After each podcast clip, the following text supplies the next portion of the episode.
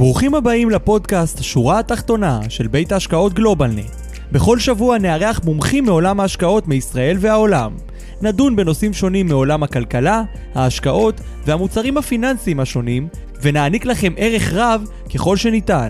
מוזמנים להקשיב לנו בכל אפליקציות ההסכתים, או לעלות ללייב השבועי שלנו.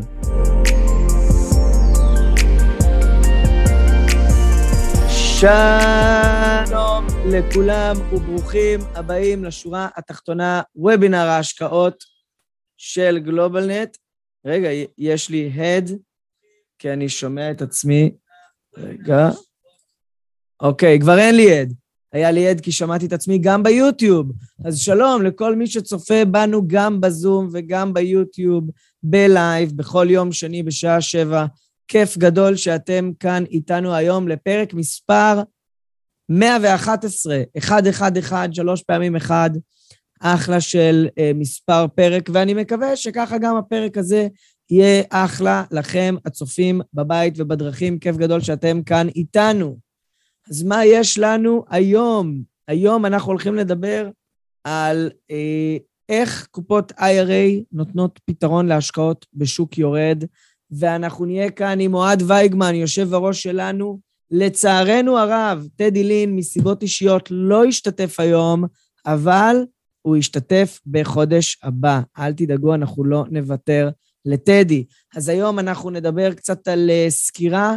אוהד הכין פרק מאוד מאוד מרתק על uh, כל מיני טריקים וכל מיני uh, פתרונות מעניינים שיכולים לתת לנו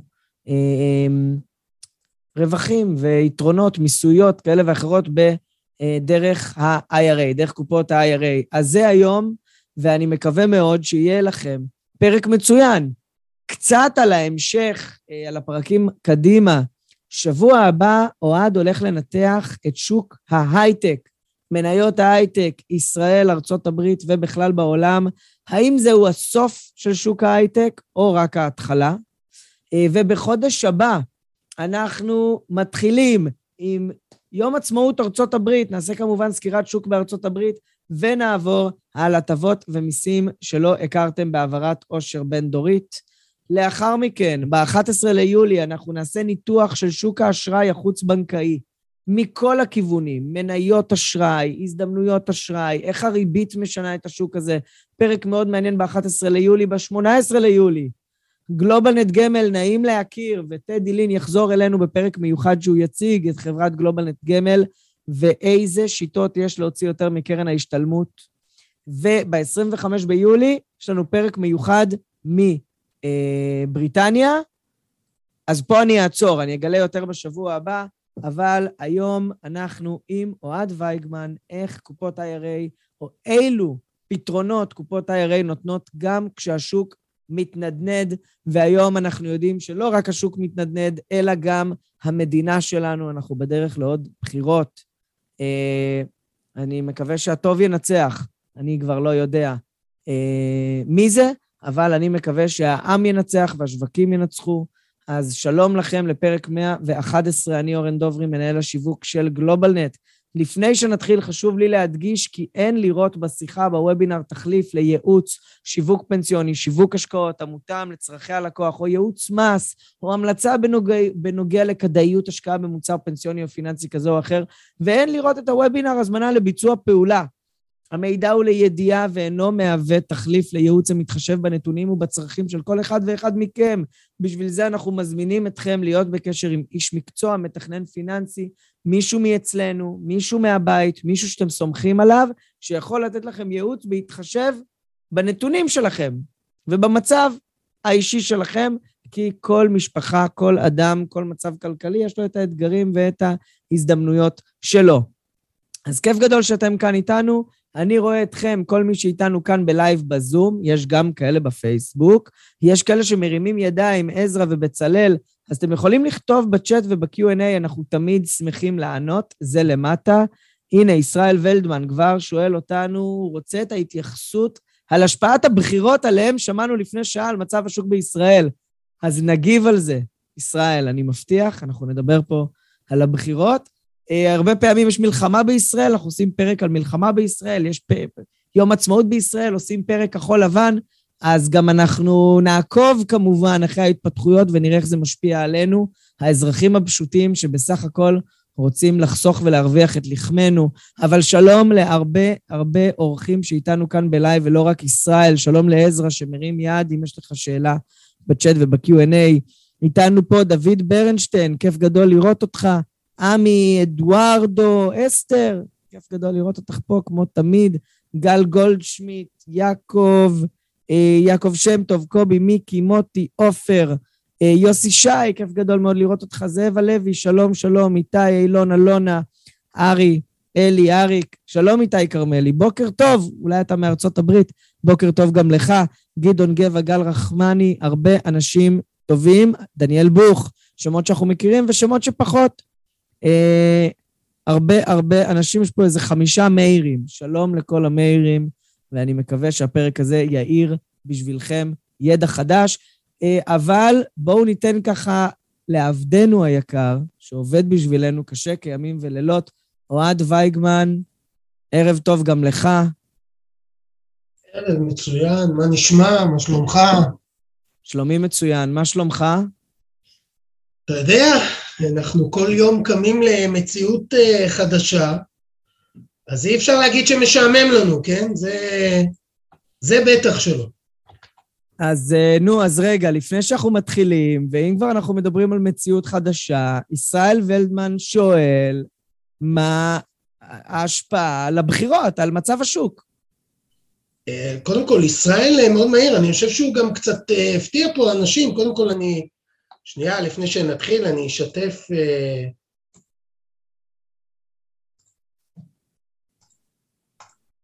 אנחנו אמנם אמורים לדבר על אה, קופות IRA ואיך הם מעניקים פתרון לה, להשקעות בשוק יורד, אבל הנה... תראה אותך, תראה איך עשית את זה.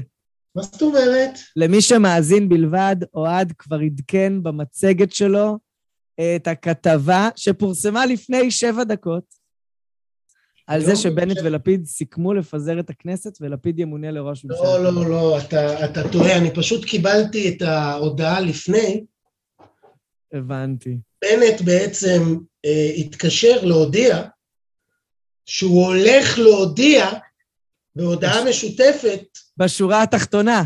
אז, אז ידענו מראש, אתה מבין? זה, זה הכל ככה הסתדר מראש. בדרך כלל זה הודעות שיוצאות לקראת שמונה. לחדשות. הפעם אנחנו סידרנו כך שזה יהיה לפני השורה התחתונה. כן. בכל זאת, אתה יודע, יש פה... המעמד מחייב. כן, אז uh, העם הבוחר ולא העם הנבחר, זה הכותרת שבחרת. אני חושב שאפשר כבר אה, לסכם, לא? אתה יודע, אנחנו כבר מערכת בחירות רביעית, חמישית, שישית, מי, מי סופר? אתה יודע, זה... באמת אני חושב שהכותרת היא לא טובה.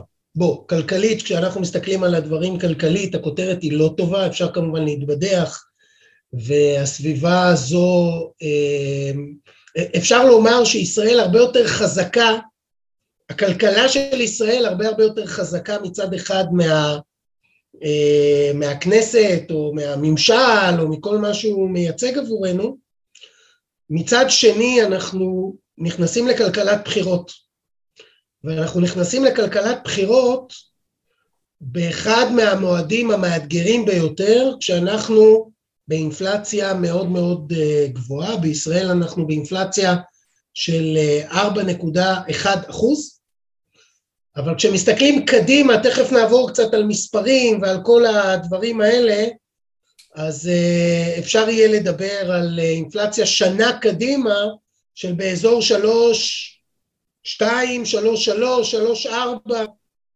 זה פחות מה שאפשר היה לדבר עליו לפני הבחירות. אבל uh, עוד לא שקללתי במודלים את הנושא של הבחירות, אבל ככה כלאחר יד, אני, אין לי ספק שהאינפלציה תהיה שנה קדימה גבוהה יותר מ... אותם שלוש-ארבע שדיברתי עליהם, כי כלכלת בחירות גם מאפשרת להרבה מאוד ארגונים לבוא עם דרישות אה, גדולות יותר, וגם אם הם אה, לא יקבלו מענה אה, במהלך הבחירות מממשלת מעבר, אין ספק שזה משפיע על מערכת הבחירות ועל המשאים ומתנים, יש לנו עכשיו אה, בימים האחרונים אה, משבר עם המורים ושביתות, מתחילים בעשר וכן הלאה, כל הדבר הזה לדעתי יקבל זריקת מרץ בארגונים נוספים ובהחלט אפשר לומר שלדבר הזה בעת הזו יש יש משמעות על מצב השוק בישראל. אני לא אגיד מבחינת הכלכלה, כי הכלכלה חזקה, אבל כן על נושא של אה, אינפלציה, ובהחלט יכול להיות שזה גם ישפיע על נושא של הריבית, מה שיעודד עוד ידי הון, בטח באג"ח, אג"ח ממשלתי בעיקר. אז הנה ככה, מה שנקרא, על קצה המזלג, ישראל, זה היה בשבילך, אבל לא רק בשבילך. אה, באמת, אה, שתי דקות לפני שהתחלנו באמת קיבלתי את ההודעה ומיד מיד מיהרתי להוסיף את הדבר הזה. אולי נעשה וובינר רק על הדבר הזה כי um, בהחלט ככל שיעבור הזמן אנחנו נראה עוד ועוד ועוד השלכות שאני מניח מהסוג שאמרתי, בעיקר נושא של אינפלציה. אז הנה, אה, אני לא יודע מי זה ישר, שנכנס על שם ישר, אבל הוא אומר עוד 300 מיליארד ש"ח לפח. אה, ובמעבר חד, עופר... אני לא יודע מאיפה המספר של 300 מיליארד, אבל, אה, אבל אה, בחירות עולות בערך 3 מיליארד. אז אולי קצת, אה, יש פה איזה כמה אפסים יותר, שני אפסים יותר מדי, אבל בסדר, לך תדע. אולי ברח במקלדת. ועופר שואל, עופר שואל במעבר חד, שלום אוהד, האם ניתן לסחור בחוזים עתידיים ובאופציות על החוזים במסגרת ניהול אישי? אז כן. במעבר, במעבר כן. חד אנחנו נעבור לנושא הוובינר. אז אה, כן, נושא של אה, ניהול אישי בעצם נותן לנו את היכולת לשלוט באופן רחב מאוד בהשקעות שאנחנו עושים בכל הכספים שיושבים לנו בקופות הגמל, הפנסיה, אה, ובעצם היום אני גם אתן קצת איזה פריוויו לאיך אנחנו בגלובלנט אה, הולכים לשנות את העולם הזה שנקרא IRA ולאפשר עוד אפשרויות שלא קיימות היום בעולם ה-IRA כדי לאפשר לכם ליותר אפשרויות ממה שיש היום במסגרת הקופות לניהול אישי הקיימות אה, בשוק, לא שיש כל כך הרבה, השוק הזה אה, קצת הצטמצם בשנה האחרונה, אבל, אבל הוא גם מאוד מאוד משתנה, אני חושב שאנחנו כבר לפני שנתיים התחלנו לשנות אותו בצורה מהותית, אז על כל הדברים האלה נדבר במהלך המצגת, אבל בואו נבנה את זה, בואו בוא נלך מה שנקרא כרגיל, שלב שלב, צעד צעד, נגיע לכל, לכל הדברים האלה, בסדר? הבמה היא שלך, אוהד. יופי, בסדר. דרך אגב, אני לא יודע מה יש להם כל כך לחייך בתמונה הזו שבחרו פה, אבל בסדר, נו, אתה יודע. כל אחד נהנה ממשהו אחר. אני אישית לא נהנה מבחירות. אוקיי, טוב, אבל לפני קצת שמדברים על uh, השקעות בעולם של תנודתיות שהולכת ועולה וירידות בשווקים, בואו ניתן צבע ומספר אה, לאותן ירידות שאנחנו מדברים, זה עדכון נכון להיום. אנחנו מדי שבוע מעדכנים, ואנחנו גם נרצה ממש לעשות אה, באופן יותר מסודר, מדי שבוע לעשות איזשהו חלק שמסכם את השבוע האחרון ומה המשמעות על השבוע הבא, אז uh, עוד איזה משהו שנרצה לעשות מדי שבוע, נתחיל היום. ואנחנו רואים שהירידות העמיקו, uh, ככל שראינו שהאינפלציה עלתה, ותכף נראה נתונים, איתה עלה גם הצפי לעליית ריבית, מדי שבוע ככה, כל שבוע ראינו את זה הולך והולך ומתעצם ומתעצם, ואנחנו רואים גם כמובן את ההפסדים, הן במדדי המניות והן במדדי האג"ח, אה, ואנחנו כבר אה, גם בישראל לאט לאט לאט מדביקים את אה, המדדים בחו"ל, ראינו עד לפני שבוע את המדדים בישראל עוד, עוד מה שנקרא הרבה הרבה, ירידות הרבה יותר מתונות ממה שראינו בארצות הברית ובאירופה, אבל S&P 500, מדד ה-500 החברות הגדולות בארצות הברית, כבר במינוס 23 אחוזים, הנסדק, חברות ההייטק, וכפי שאמר אורן, שבוע הבא נדבר על, או נשאל את השאלה הפשוטה, האם 32 אחוז ירידה זה התחתית? האם מפה אנחנו יכולים לראות עליות? מה יוביל את אותם עליות אם בכלל וכן הלאה, כל הסקירה על עולם ההייטק, שבוע הבא, אבל בהחלט 32 אחוז ירידה, נסדק זה בהחלט אה, מאוד מאוד מאוד אה, משמעותי. אה, כפתיח אני, אני כן אתן שאנחנו כבר רואים פיטורים בעולם ההייטק, מה שאנחנו לא רואים אף סקטור אחר. בענף ההייטק ראינו את זה לפני חודשיים, מתחיל בארצות הברית, וכבר אנחנו רואים בשבועות האחרונות גם בישראל, אה, התחלה של אה, אה, פיטורים, מעגלי פיטורים, ובטח ובטח הקפרת משכורות, אחרי שראינו עלייה של עשרות אחוזים בשכר בעולם ההייטק, באמת לא ראינו תקופה שבה באמת אפשר היה לראות עליות היסטריות, אנשים באמת קיבלו משכורות לא, לא הגיוניות, אבל זה נגמר, נכון לעת הזו, נכון לסבב הנוכחי זה נגמר, וכבר אנחנו רואים פיטורים. גם באירופה אנחנו רואים אה, מינוס 17, מינוס 18, מינוס 20, גם באירופה. בישראל אנחנו רואים באזור 9% ירידה, אה, אבל שימו לב, אג"ח, ותכף נעמיק ונראה קצת יותר לעומק מה קורה לנו באג"ח הממשלתי בכל העולם, כי אנחנו רואים את האג"ח הממשלתי יורד בצורה קיצונית משמעותית, עוד הרבה מעבר לאג"ח הקונצרני, הזהב, שוב, תכף נרחיב, הזהב מין, אה, פלוס אחוז, הזהב כמעט תמיד בקורלציה הפוכה לשוק ההון, עכשיו אנחנו לא רואים אותו בפלוס עשרים, כן?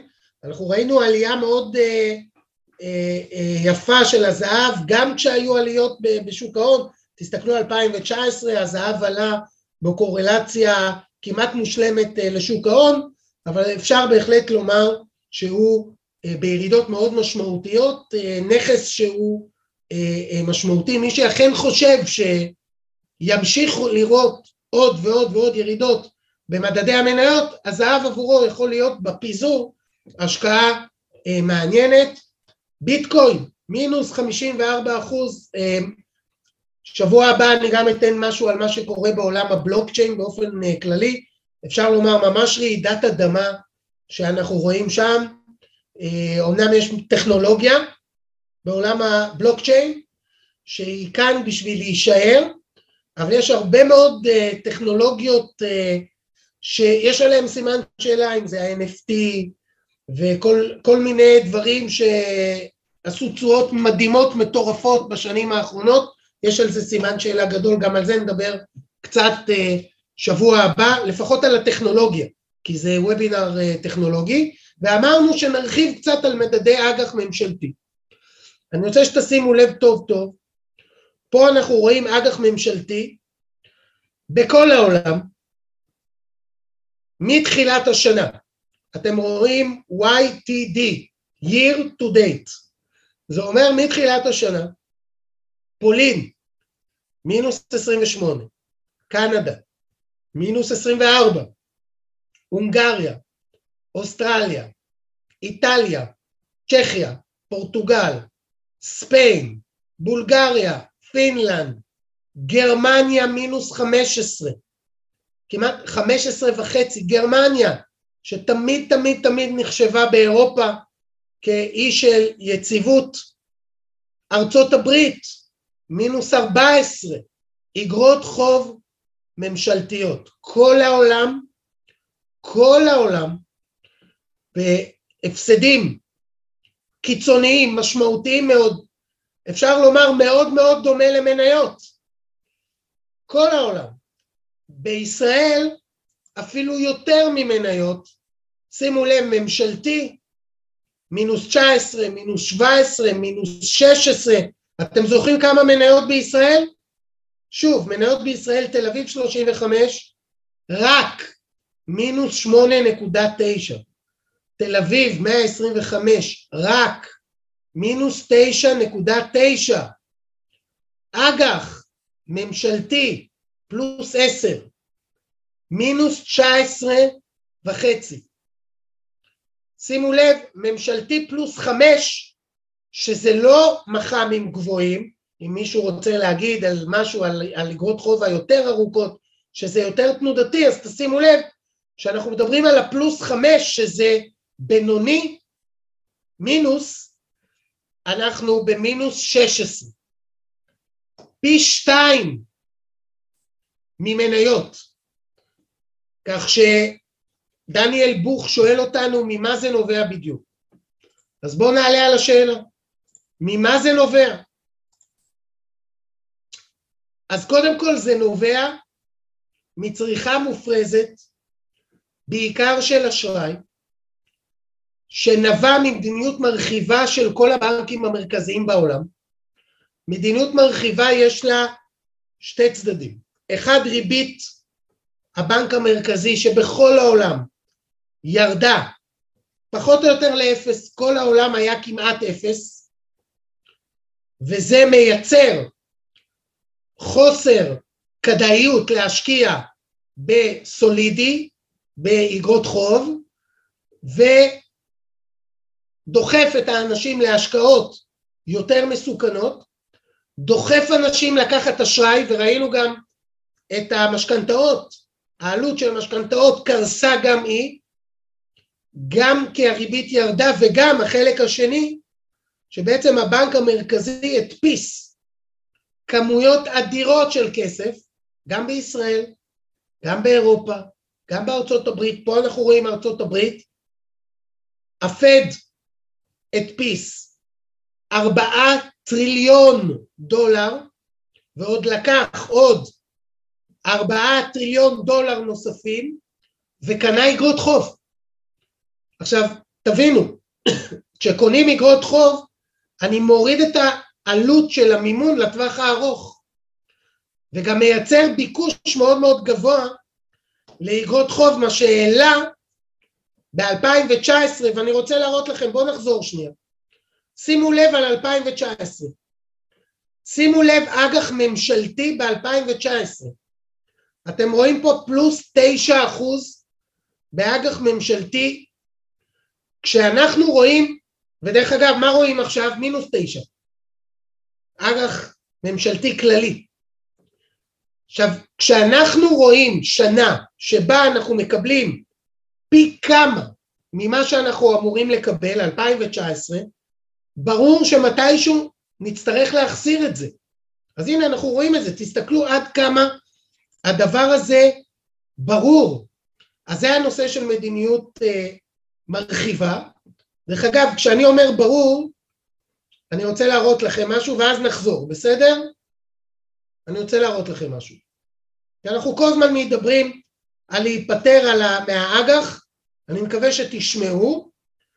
זה בעצם אה, קצת מהוובינרים הקודמים על התפוצצות בועת האג"ח הסולידית, אני רוצה להגיד, להראות לכם, אפרופו למה זה קורה, האנליסטים, נורא קל לנו לדבר על מה שאנחנו רואים ולהסביר למה זה קורה.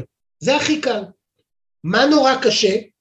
נורא קשה להסתכל קדימה ולהגיד מה הולך לקרות. שהרי, תבדקו, ראינו גם כתבות ב... ימים האחרונים על כך שכל האנליסטים בעולם שנתנו תחזיות ל-2022 בדצמבר 2021, ש-99% מהם, אני אומר 99% כי בגדול זה 100, אבל 99% מהם טעו בצורה מחפירה לגבי תחזיות הצמיחה, האינפלציה, הריבית, המדדים, כולם, כולם, כולם טעו בדצמבר 21. עכשיו בואו תאזינו מה אנחנו אמרנו בדצמבר 21. סיכום השורה התחתונה של גלובלנט. במהלך 2021 התרענו שוב ושוב על הסכנות של השקעה באגרות חוב. להלן מקבץ של קטעים שבהם אנחנו מדברים על התנודתיות והסכנות וכן על התוצאה שאנחנו רואים בשנת 2022. דרך אגב, כל 2021 אפשר לראות את כל הוובינרים האלה ביוטיוב שלנו. 28 ל-12, שימו לב, 28 ל-12 21. אם בעבר זה היה בגמגם, היום אני אומר את זה בצורה מאוד מאוד ברורה. חברים, למי שיש אג"ח בתיקים, אני, אוהד וייגלר, ממליץ למכור את כל האג"ח בתיקי ההשקעות שלכם. התפוצצות בועת האג"ח, הסיבה העיקרית שבשנים האחרונות ההשקעות האלטרנטיביות צמחו ופרחו והיא גם הסיבה טוב, נ- נעצור פה, אבל אפרופו, שוב, למה הדבר הזה, או למה אנחנו חשבנו ש, אה, שבאמת אנחנו נראה את התפוצצות אה, בועת אה, האג"ח, כפי שקראתי לה. שוב, תוצאות המדיניות המרחיבה, כשאני ראיתי ב-2019 שהאג"ח עולה, דרך אגב, זה המדד הכללי תשעה, הוא עלה בין תשעה ל-28 אחוז. אג"ח ממשלתי בישראל.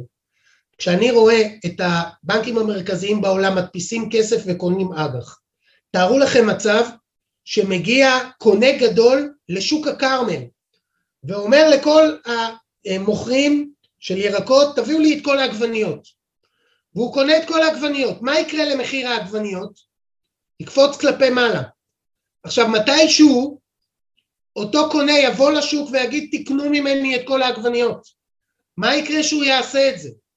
מחיר העגבניות כמובן יקרוס, וזה מה שאנחנו רואים, כי השוק לא צריך לחכות שאותו אה, קונה יבוא למכור את כל העגבניות בשוק, מתמחר קדימה את זה שהבנקים המרכזיים כבר הודיעו שהם יתחילו לספוג, ככה זה נקרא בעגה המקצועית, לספוג את האג"ח בשוק, לספוג את המדיניות המרחיבה בשוק, ו, וזה בא לידי ביטוי כבר היום, למרות שזה עוד לא קרה, ככה השוק עובד.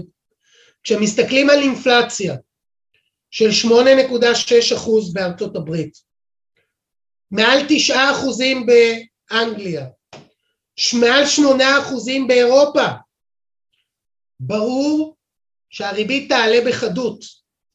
עכשיו שימו לב לגבי הנושא של הריבית, דרך אגב זה העולם, עוד משהו, אינפלציה כל העולם, כל העולם באינפלציה, בחלק מהעולם היפר אינפלציה, 200 ו-500 אחוז, כל העולם אדום ורוד, יש מעט מאוד תכלת, וגם התכלת מתחיל ככה, דיברתי על בריטניה, אז הצפי הוא שהאינפלציה בבריטניה יגיע לאזור ה-13, אפילו 14 אחוזים בחודשים הקרובים. עכשיו אני מדבר המון המון המון על אינפלציה, כי מזה זה נובע, דניאל. זו הסיבה שאנחנו רואים את ה... את ה או גם ראינו לפני את הקריסה הזו של, של שוק האג"ח. גל עוד אומר, הנושא של צמוד, צמוד מדד, אני לא יודע אם ראיתם, אני שוב אחזור, שנייה, צמוד. אתם רואים ממשלתי מדד פלוס 10 מינוס 16, ממשלתי צמוד מדד פלוס 5, שזה מח"מ בינוני, מינוס 14 וחצי. כלומר, מי שמחזיק צמוד, אגרות חוב צמודות, לא מתחמק מהירידות. והצפי לאינפלציה גם בישראל מדבר על 3.4, זה לפני הבחירות. אמרתי מה אני חושב בעקבות הבחירות, לדעתי הציפיות לאינפלציה בישראל יעלו. אני לא יודע כמה יעלו, אבל בעיניי לעלו. אז uh, המצב פה הוא של האינפלציה שמתחממת הוא מאוד מאוד מאוד מאוד מאוד מסוכן. המדינות כבר התחילו כמובן להעלות ריבית, אבל לא רק, שימו לב, בארצות הברית אנחנו כבר ב-1.75, פעם אחרונה העלו ב-0.75 וכבר מדברים על עלייה נוספת של 0.75 ובעצם גם ביורו עוד לא ראינו, אבל כבר בקרוב נראה התחלה של העלאת ריבית. אני רוצה שתשימו לב בנושא של תחזיות העלאת ריבית כמה הדבר הזה הוא אגרסיבי ואת זה רואים באג"חים. לפני שבועיים תחזיות השוק, זה הכוונה תחזית קדימה הנגזרת מהשווקים, תחזיות שמגולמות בשוק, היא שהריבית בארצות הברית בדצמבר 22, נובמבר דצמבר, יגיעו ל-2.75 או סליחה 2.9 בממוצע מהשוק. היום, שבועיים אחרי, השוק כבר מתמחר שלושה וחצי אחוזים. כלומר, עליות מאוד מאוד משמעותיות בצפי של עליית ריבית, וזה מה שגורם את התנודתיות באג"ח. הבעיה באג"ח היא לא רק ההפסדים. הפסדים של אג"ח ממשלתי שהם פי שתיים ממניות, זה בהחלט בהחלט שבירה של כל הפרדיגמות שהכרנו בעבר, אבל התנודתיות זה הבעיה העיקרית, כי יש כאלה שבאים ואומרים לי, תקשיב, עכשיו היו הפסדים, אולי בעתיד זה ירד כל כך הרבה שנראה עליות. ואני כל אלה אומר, חברים, זה לא משנה. עצם זה שאג"ח יורד יותר ממניות, זה אומר שאג"ח לא יכול להיחשב יותר נכס סולידי. זה אומר שכשאני בונה תיק 50% סולידי, 50% נכסי סיכון, האג"ח יהיה ב-50% נכסי סיכון, ולא ב-50% סולידי.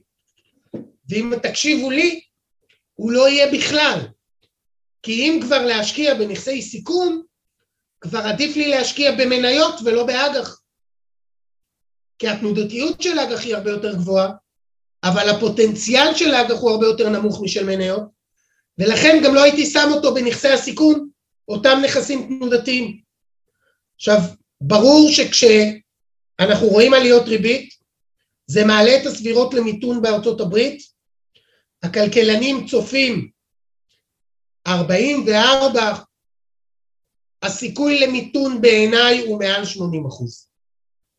זה מתחיל בארצות הברית וזה יגיע לכל העולם, ואני גם חושב שבעקבות המיתון, לאחר עליות מאוד משמעותיות בריבית, אני לא יודע אם זה יעצור בשלוש וחצי, אולי אפילו יגיע לארבע, אנחנו פתאום נראה ירידת ריבית, כדי להילחם בעלייה במיתון. בעצם, מה הבעיה העיקרית בכל מה שאני אומר, ואני אחזור על המילה הזו כל הזמן, עלייה נוספת בתנודתיות. וכשיש עלייה בתנודתיות, חלק מהלקוחות, בעיקר אותם לקוחות מבוגרים, בעיקר, בעיקר כאלה לקראת פרישה, אני לא יודע כמה אתם יודעים, אבל גם כשאתם פורשים ומקבלים קצבאות מקרנות פנסיה, מחברות ביטוח, זה צמוד לתשואה בשוק ההון. זה לא צמוד למדד, זה לא ריבית קבועה, אין פה תשואה מובטחת, זה צמוד לשוק ההון. כך שאם יש ירידות בשוק ההון, יש ירידות בקצבאות גם אחרי שהתחלתם לקבל קצבה, ולכן לאותם לקוחות שהם לקראת פרישה או אחרי פרישה, זו תנודתיות שלא מתאימה להם. פשוט לא מתאימה להם. ומכאן גם הבעיה. וכמובן נגיע ל-IRA כי זה הפתרון. אז אני קצת אדלג לגבי גוש היורו. גם כשמדברים על תחזית הבנק המרכזי לירידה באינפלציה, בעיניי הירידה תהיה איטית יותר ממה שאנחנו אה, רואים פה, לא לשכוח שעדיין יש לנו מלחמה באירופה, ומלחמה זה גורם אי ודאות שיכול בהחלט לעשות אה, מתיחה של הדברים כלפי יותר זמן בהקשר של אה, ירידה באינפלציה, גם כשגוש היורו או, או אה, כבר מדברים על העלאת ריבית, כבר מדברים על סוף שנה יגיע לאחוז בסוף השנה הזו, כרגע זה מינוס חצי, להגיע לאחוז בסוף השנה, אז גם כשמדברים על ירידה של אינפלציה, שימו לב, מדד המחירים ליצרן בגוש היורו, 37 אחוז עלייה.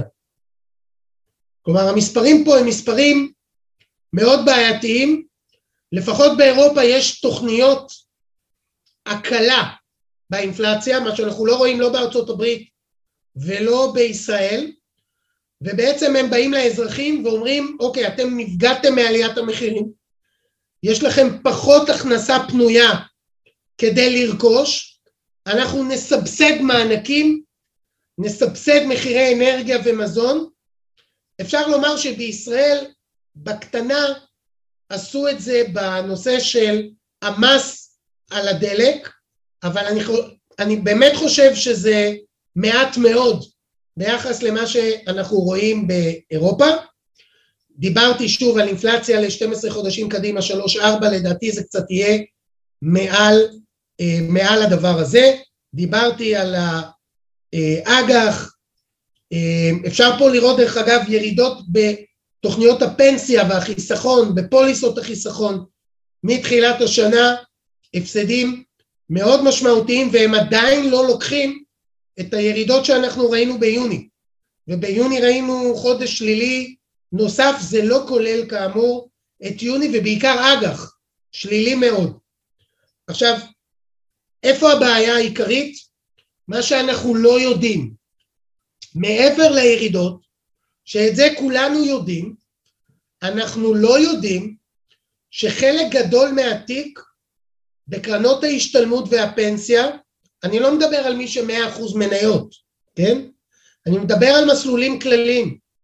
מה שאנחנו לא יודעים זה שחלק גדול מהתיק לא עובד בכלל, לא מייצר כסף, בעיקר בגופים שמגייסים הרבה או פודים הרבה, שימו לב, בממוצע יש 17-18 אחוז מזומן, ועוד חמישה אחוז הלוואות. כלומר, יש לנו בערך עשרים וחמישה אחוז מהתיק תשואה אפס. עשרים וחמישה אחוז מהתיק. כשנדבר עוד מעט על ה-IRA, נלמד שאחד מהשיטות החשובות ביותר, או אחד מהיתרונות הגדולים ב-IRA, זה שאני באופן אישי יכול לבחור שלא להיות ב-25% נזיל.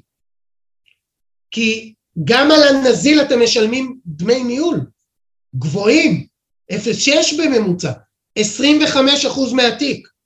כמובן שיש פה כמעט 40% אג"ח, שראינו מה קורה באג"ח, והתנודתיות הזו לא מתאימה, בעיקר למבוגרים, ולכן אמרתי למכור את כל האג"ח בתיקים, אבל ביחד עם האג"ח אנחנו ב-65% מהתיק שלא מייצר תשואה.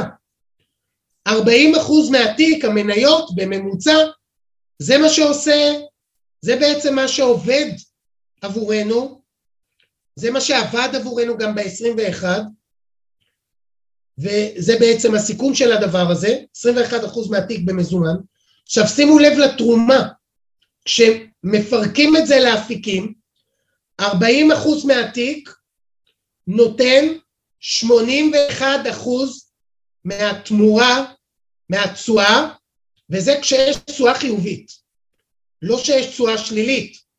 כשיש תשואה חיובית, המניות מחזיקים, אז כבר עדיף להשקיע במניות, ומי שלא יכול לשאת בתנודתיות של התיק, אז שיהיה ב-50% מניות, 40% מניות, כמה שהוא רוצה מניות, אבל שלא יחזיק בכללי, כי את כל השאר אנחנו נחפש תחליפי מזומן, תחליפי אג"ח, שכפי שראינו לאורך הרבה מאוד שנים, אנחנו רואים את זה בנכסים הלא שכירים. שימו לב פה מה הלא שכיר, אתם רואים את זה בלבן, אלטרנטיבי, עשה ביחס למסלול הכללי בוורוד, במסלול הכללי עוד יש מניות, 40 אחוז מניות, האלטרנטיבי בתנודתיות הרבה הרבה יותר נמוכה, נתן תמורה הרבה הרבה הרבה יותר גבוהה, בלי מניות, בלי המרכיבי סיכון, בלי התנודתיות.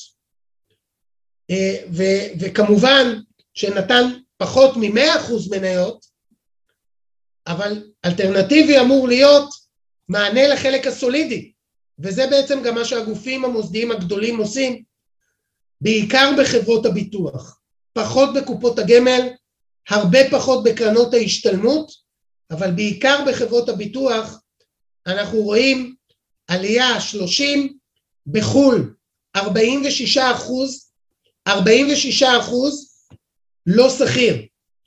ואנחנו רואים, אנחנו רואים את זה ב-JP מורגן, אנחנו רואים את זה ב-UBS, אנחנו רואים את זה בכל מנהלי הנכסים בעולם, אנחנו רואים שהוספת המרכיב הלא שכיר מוציאה את כל ה-60 אחוז הלא מתפקד ונותנת הכנסה קבועה לאורך זמן, ממזערת את התנודתיות בתיק בצורה מאוד מאוד מאוד מאוד משמעותית, וזה תחליף לכל אותם מרכבים, 25 אחוז רק נזילות, רק נזילות.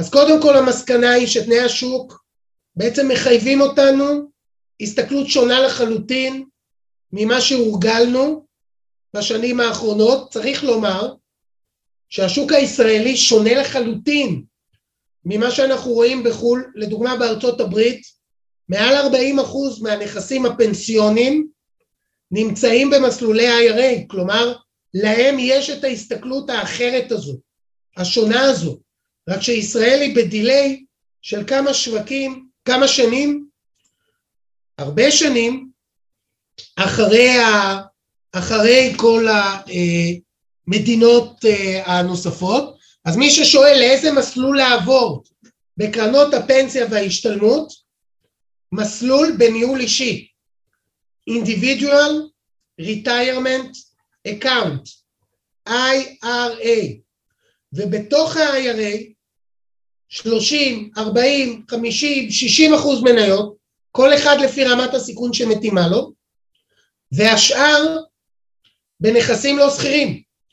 אם מתאים לכם להחזיק מזומן, תחזיקו מזומן, כמה שמתאים לכם, אבל אתם חייבים להפוך להיות מעורבים במה שקורה, כי להישאר עם תיק ש-60% ממנו, ואתם משלמים דמי ניהול עליו, לא תורם כמעט כלום, אלא תורם המון לתנודתיות, כלומר לא תורם לתשואה, אבל תורם מאוד לתנודתיות, אז אתם חייבים להפוך להיות מעורבים יותר בניהול של התיק שלכם, אתם חייבים להיות אקטיביים יותר, חייבים להיות משכילים יותר, יודעים יותר, ולהתאים את התיק שלכם לעצמכם. כלומר, הנה פנחס, מה עם שוק הנדל"ן? דרך אגב, אפשר להשקיע בנדל"ן גם, ב, גם מתוך IRA. אה, הדבר אפשרי גם במקום הזה, אבל אתם צריכים לקחת את, ה, את השליטה ב, בהקשר הזה. עכשיו אבי אבי כותב, זה מצוין שהכל נזיל, מי שלא השקיע מתחילת שנה הרוויח 16% באג"ח, ואני, אוקיי, לא מכיר מישהו שהרוויח באג"ח, אז אני לא יודע על מה, על מה מדובר, תכף נדבר על שוק הנדל"ן. אמ, אוקיי, נמשיך ואחר כך uh, עוד שאלות. מה אפשר להשקיע ב-IRA? עד עכשיו אפשר היה להשקיע בעיקר בקרנות השתלמות ובקופות גמל נזילות. בחלק מהגופים גם תיקון 190. מה אי אפשר היה להשקיע ועכשיו גלובל נט גמל עושה פה בשורה משמעותית וזה קופות הגמל לקצבה. כי בעצם שוק ה-IRA בישראל עד עכשיו היה קטן כי יש מעט מאוד קרנות השתלמות וקופות נזילות ביחס, יש היום בערך 2.3 טריליון, טריליון, טריליון, כלומר 2,300 מיליארד בנכסי הפנסיה. מתוכם בערך 1,500 מיליארד בקופות גמל לקצבה, אפילו יותר. כך שבעצם מרבית הכספים עד היום לא יכולנו להעביר אותם ל-IRA. עכשיו, גלובלנט גמל למי שמעוניין להשקיע בקרנות, השקעה מסוגים שונים, בתמהילים שונים, בסיכונים שונים, מאפשרים גם להעביר את קופות הגמל לקצבה, את כל העודפים שיושבים לכם בקצבה, כלומר כל אותם כספים שאתם לא מתכוונים לקחת אותם באמת כקצבה, תוכלו להעביר אותם ל-IRA ולבנות לכם תיק שבעצם נותן מענה באמת לרמת הסיכון שאתם יכולים לשאת. אז הנה 40 אחוז מהכספים שמנוהלים, שימו לב, קרנות הפנסיה בעצם טריליון ועוד חצי טריליון, זה בעצם קצת יותר מחצי טריליון בחברות הביטוח, רובו לקצבה. לא כולו לקצבה, אבל רובו לקצבה. ועכשיו כל הצבירה הזו, שאי אפשר היה להעביר אותה ל-IRA, מתאפשר לנו להעביר אותה ל-IRA, וזה באמת בשורה, אפרופו גם מה שאורן אמר, אנחנו באמת נכנסים לשוק ה-IRA כדי להביא בשורה במקום הזה. היום אנחנו כבר 2.3 מיליארד מנהלים ב-IRA, חלק גדול מהצמיחה של שוק ה-IRA אה, אה, קרה בזכות אותן השקעות לא שכירות, שגלובלנט כבר הרבה מאוד שנים מדברת עליהן, וחלק גדול מאוד בגידול, בגידול העצום הזה, של מעל 30 אה, אחוז ב-2021, נבע בדיוק ממה שאני אומר עכשיו. אנשים שרצו להקטין את רמת הסיכון, העבירו את הכספים ל-IRA, יכול להיות שחלק מהכספים השאירו, לפחות את המניות השאירו מנוהל בקופות רגילות, בקופות מנוהלות, ואת כל השאר העבירו ל-IRA כדי לבנות תיק סולידי, רק את התיק הסולידי.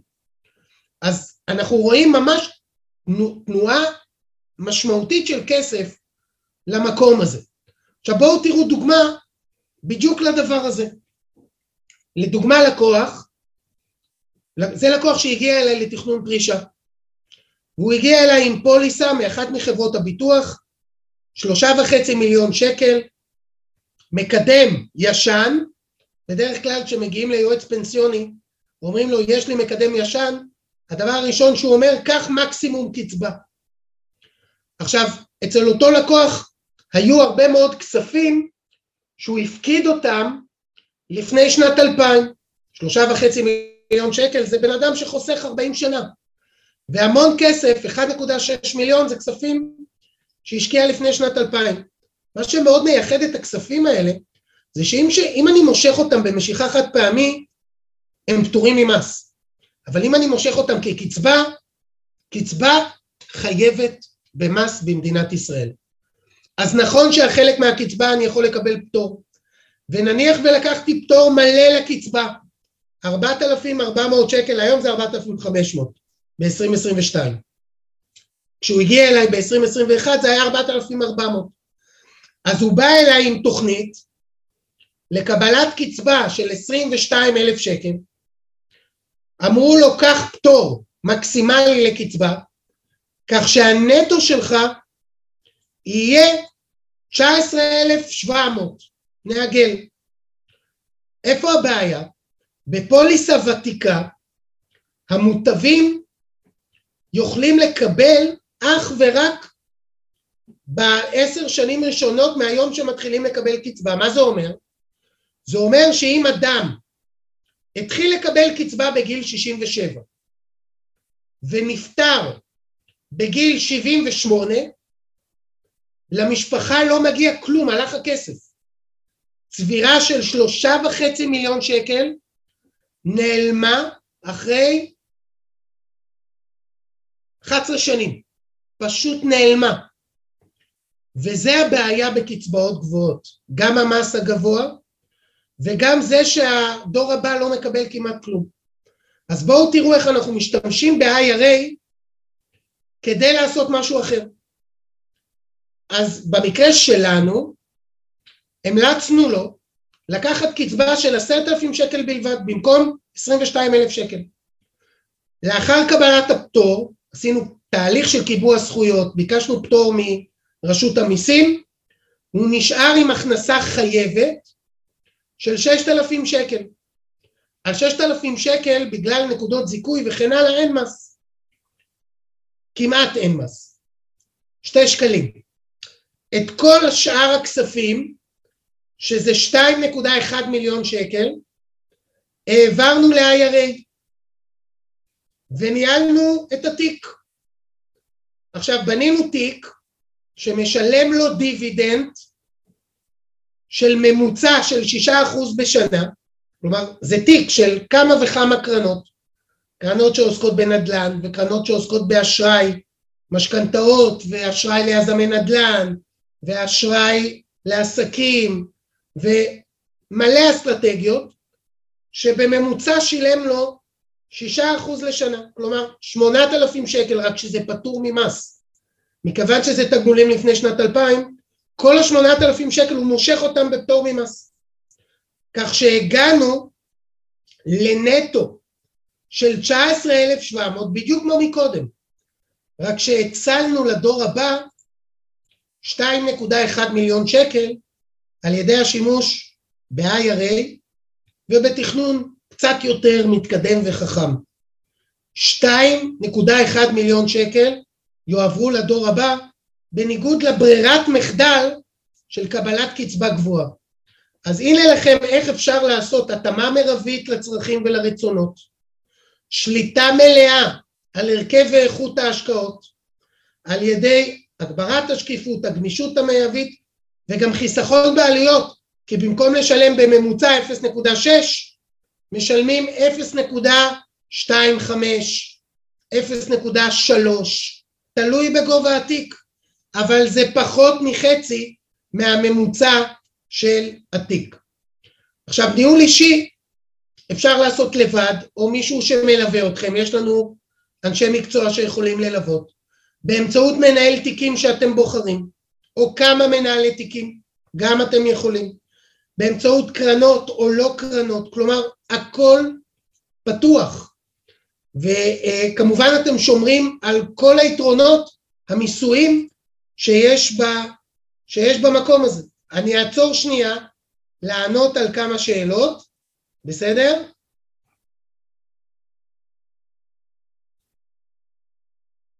אמ, איתי כרמלי שואל, כמה מינימום נדרש לפתיחת תיק? 300 אלף שקל. 300 אלף שקל. עכשיו, זה יכול להיות תיק לסוחר שרוצה לסחור לבד, זה יכול להיות תיק קרנות, יש הבדל ביניהם, כל אחד יבחר מה, ש, מה שמתאים לו, אה, זה, אה, אפשר לקבל את זה כתוב, כמובן, איך אפשר להיות מעורבת יותר? שני? IRA, זה בהחלט, אה, זה, הוא, אבי, הוא לא הפסיד בשנה האחרונה, אותו תיק של שישה אחוז לא הפסיד, גם השנה עושה לו בקצב שישה אחוזים, זה אותו לקוח, זה מה שבנינו לו וזה מה שהוא עושה, אם זה עונה לך על השאלה. למה אתה מתכוון להשקיע בנכסים לא שכירים בתיק IRA? אני מתכוון בדיוק כמו שעשינו לאותו לקוח. חלק מהכסף העברנו, העברה בין קופות גמל, מקופת גמל מנוהלת לקופת גמל בניהול אישי, לגלובלנט יש מסלול השקעה בניהול אישי, והלקוח יכל לבחור לעצמו מגוון של השקעות, מנייתי, סולידי, לא שכיר, יש הרבה קרנות לא שכירות שלקוח יכול לבחור בהתאם לרמות הסיכון שהוא רוצה. איך אני בוחרת את המניות? כפי שאמרתי מקודם, או לבד, או איש מקצוע בעל רישיון שיעזור לך אה, לבנות תיק מניות, או ניהול תיקים, או כמה מנהלי תיקים שאני... אה, אבי, כן, אני טענתי, אבל אבי, אתה יודע, אתה יכול לבדוק אותי. בוא, תסתכל, הרי כל קרן יש לה טרק רקורד, אפשר להסתכל, לראות ולהיווכח. אתה יודע, לא אני אה, אה, פה אתן לך את הנתונים. אמ,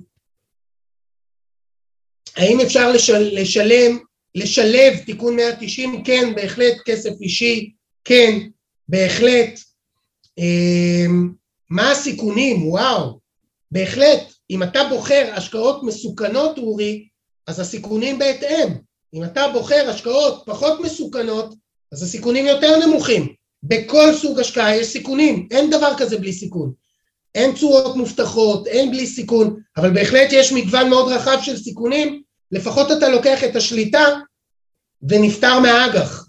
כי להישאר באג"ח אנחנו כבר רואים, רואים אה, מה, מה קורה. עניתי, אני רואה עוד... אה,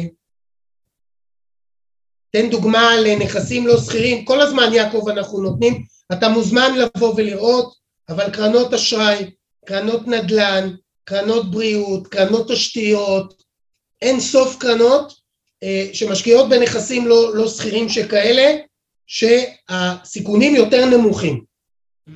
אה, לא נזיל, כמובן לא נזיל, לא שכיר זה לא נזיל. אה, וזה בהחלט, אולי זה עונה. מזומן לא עשה תשואה, לא רק שהוא לא עשה תשואה עם אינפלציה של 4% אז זה גם נשחק ב-4%. לא הפסיד כלום. אבל אמרתי, יש אלטרנטיבה אחרת, אתם יודעים, הכל יחסי. אבי, הכל יחסי. כל מי שרוצה פגישות ייעוץ כמובן, אנחנו אה, נשמח לפנות, תשאירו פה ואנחנו נעזור. אה, שוב, לגבי מה הסיכונים, תלוי ברמת הסיכון שאתם בוחרים. שוב, דוגמה לקרנות לא שכירות אסור לנו בוובינר לתת, זה נוגד את החוק, אסור לעשות את זה, דוגמה לקרנות ספציפיות. מותר לעשות את זה בפגישות אישיות, כן, שלא יהיה ברור. האם תיקון 190 שווה במצב של עליית ריבית גבוהה? הבעיה בתיקון 190 דרך אגב זה דווקא האינפלציה, פחות הנושא של עליית ריבית. אבל אם יש לי תיקון 190 ואני משקיע בהשקעות שהן חסינות אינפלציה או שמרוויחות מהאינפלציה, שוב, שימו לב למה שאמרתי, השקעות לא שכירות שמרוויחות מהאינפלציה. ככל שהאינפלציה יותר גבוהה, מרוויחים יותר כסף, אוקיי? אז יש גם כאלה. גם כספים אישיים וגם כספי חברות אפשר, אבל כספי חברות לא ב-IRA. כספי חברות אפשר לא ב-IRA, רחל בריפמן, מה שלומך? מה נשמע? כן, אפשר להעביר גם מקרן פנסיה לניהול אישי. כן. האם ניתן להשקיע בבורסת ארצות הברית? כן. בכל בורסה בעולם? כן. אה, כסף נזיל או אה, סגור, תלוי מה אתם מחליטים. יש קרנות נזילות, יש קרנות סגורות, מה שאתם מחליטים יש. אה, יש פה, אתם רואים פה, העלו פה לינק, תלחצו על הלינק, לפגישה עם מתכנן פיננסי, אנחנו נעזור לכם, ניתן להשקיע בניירות ערך סל ספציפית בכל הבורסות בעולם, כמובן שיש הגבלות ב-IRA, אה, תיפגשו איתנו, נעזור, נסביר גם מה ההגבלות, אבל המטרה הייתה לתת טיפים, טריקים, אה, דוגמאות, ידע. עשית עבודה מצוינת, אוהד. אגב, ראית שיש גם ב-Q&A שאלות או רק בצ'אט?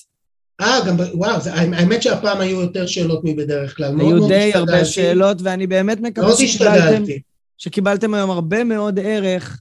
פעם נוספת, הנה, בצלאל, אתה כותב אם אפשר לקבל מספר טלפון להתקשרות, אז כמובן, אבל הכי פשוט זה... הנה, אליון אומר, לא הוזכר נושא של דחיית מס בכספים בקופה עד פדיון. שזה נכון, ב-IRA זה נכון. אנחנו דוחים, יש דחיית מס, מרוויחים המון כסף על דחיית המס. נושא של מיסוי בקופות ה-IRA זה היתרון הכי משמעותי והכי גדול בהקשר. אמ, לגבי איזה אפיקים להשקיע, נתתי המון, המון טיפים לגבי אפיקים ואיזה אלטרנטיבי, נתתי המון טיפים, חברים. אז. אישיות ניתן עוד יותר. מי שלא נמצא פה כרגע בצ'אט ואולי שומע אותנו, אה, יכול לפנות אלינו גם בוואטסאפ, 054-611-601, ורותי ובצלאל וגל וכל מי שרוצה פגישות אישיות. תלחצו על הלינק, זה עכשיו יש לנו פה בצ'אט. לינק לפגישה עם איש מקצוע מטעמנו. תלחצו עכשיו על הלינק בצ'אט ונשמח לעזור. ואתם מוזמנים לפנות גם בוואטסאפ, 054-611-601. בוואטסאפ, שרוצה- לא בטלפון, לא להתקשר. אפשר. גם, לה, אפשר גם להתקשר בשעות העבודה, אבל אפשר גם בוואטסאפ. אה, ואז אפשר בכל שעה, כי בבוקר יחזרו אליכם, אבל אפשר גם לחייג במהלך שעות העבודה. אה, ומי שמאוד היה לו מעניין, והוא אומר, רגע, אני רוצה לחזור אחורה, אז זה עולה גם בפייסבוק שלנו, עמוד הפייסבוק שלנו, וגם בעמוד היוטיוב, אתם יכולים ללכת ולחזור ולראות לא רק את הסרטון הזה, גם את כל 110 הסרטונים הקודמים. בוא, בוא נראה להם שנייה. בואו נראה להם אני שנייה. חייב בינתיים- להראות, אני חייב, בז- חייב. בזמן שאוהד רואה, אני יכול לספר לכם שבשבוע הבא אוהד יהיה כאן שוב, ואנחנו נעשה פה ניתוח של שוק מניות. ההייטק. של שוק מניות ההייטק. האם זה הסוף או רק ההתחלה? הנה, אתם רואים, אני. רושם גלובלנט ישראל. עכשיו, אני לא הולך לסרטון אחד, אני רוצה ללכת לדף של גלובלנט. אז אתה יכול ללחוץ על ה... תגלגל למעלה.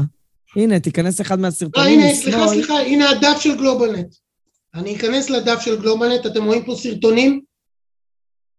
תראו את כל הסרטונים, תראו. כל התוכניות שלנו. עוד ועוד ועוד ועוד תוכניות על מלא מלא מלא מלא נושאים. הייטק ומינופים ומשכנתאות ונדל"ן ואנרגיה והזדמנויות ותכנון פיננסי ומלחמות ואינפלציה והכל. כן. אז אה, בואו נראה, אבי כותב פה שאלטרנטיבי לא שכיר ולא נזיל עבור בני 65 זה אולי טוב, אבל יש פה, לצעירים... יש פה את אבי שחושב שאלטרנטיבי זו עצת אחיתופל לצעירים. אבי, אני עשוי להפתיע אותך, בוא לפגישה. חינם. אני עשוי להפתיע אותך. אבי, אבי, בוא אליי. אז חברים יקרים, אני מקווה שהיה לכם מעניין ומלא ערך קודם כל, כפי שאמרנו בתחילת הוובינר. אה, אתם מוזמנים לקבל מפה מידע, אבל כדי לקבל, לקבל החלטות משמעותיות צריך להיפגש עם איש מקצוע. אני רואה פה שמישהו שואל, אם We Capital ו-GlobalNet is the same, אדוארדו, same same but different. אה, זה, זה חברים מאוד מאוד טובים שלנו, אה, שמגייסים גם כן בין היתר להשקעות שלנו. אה, אז כן, אנחנו מכירים אותם טוב. ברק מגיע לכאן לא מעט לוובינר. אה, זה same same and- but different.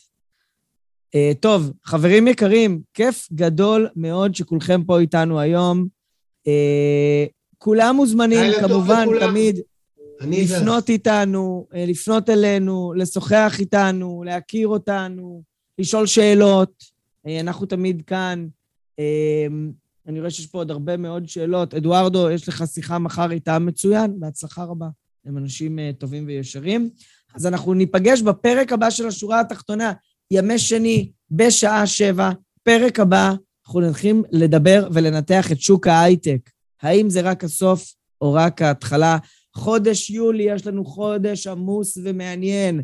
נדבר על העברת עושר בין-דורי, ננתח את שוק האשראי, נדבר עוד קצת על בריטניה, מבריטניה, יש לנו פרק מיוחד, ב-25 ביולי אנחנו בבריטניה, וטדי לין, שלא יצליח לעלות היום, ביולי הוא יהיה וידבר. אז תודה רבה לכולם. אה, עוד הפעם, יש בצ'אט אה, את הלינק להיפגש עם איש מקצוע מטעמנו. לכל נושא, לכל עניין, פגישת היכרות היא תמיד ללא עלות. אה, אז שנהיה בקשר, והמשך שבוע טוב, וערב טוב לכולם, ונתראה בפרק הבא של השורה התחתונה.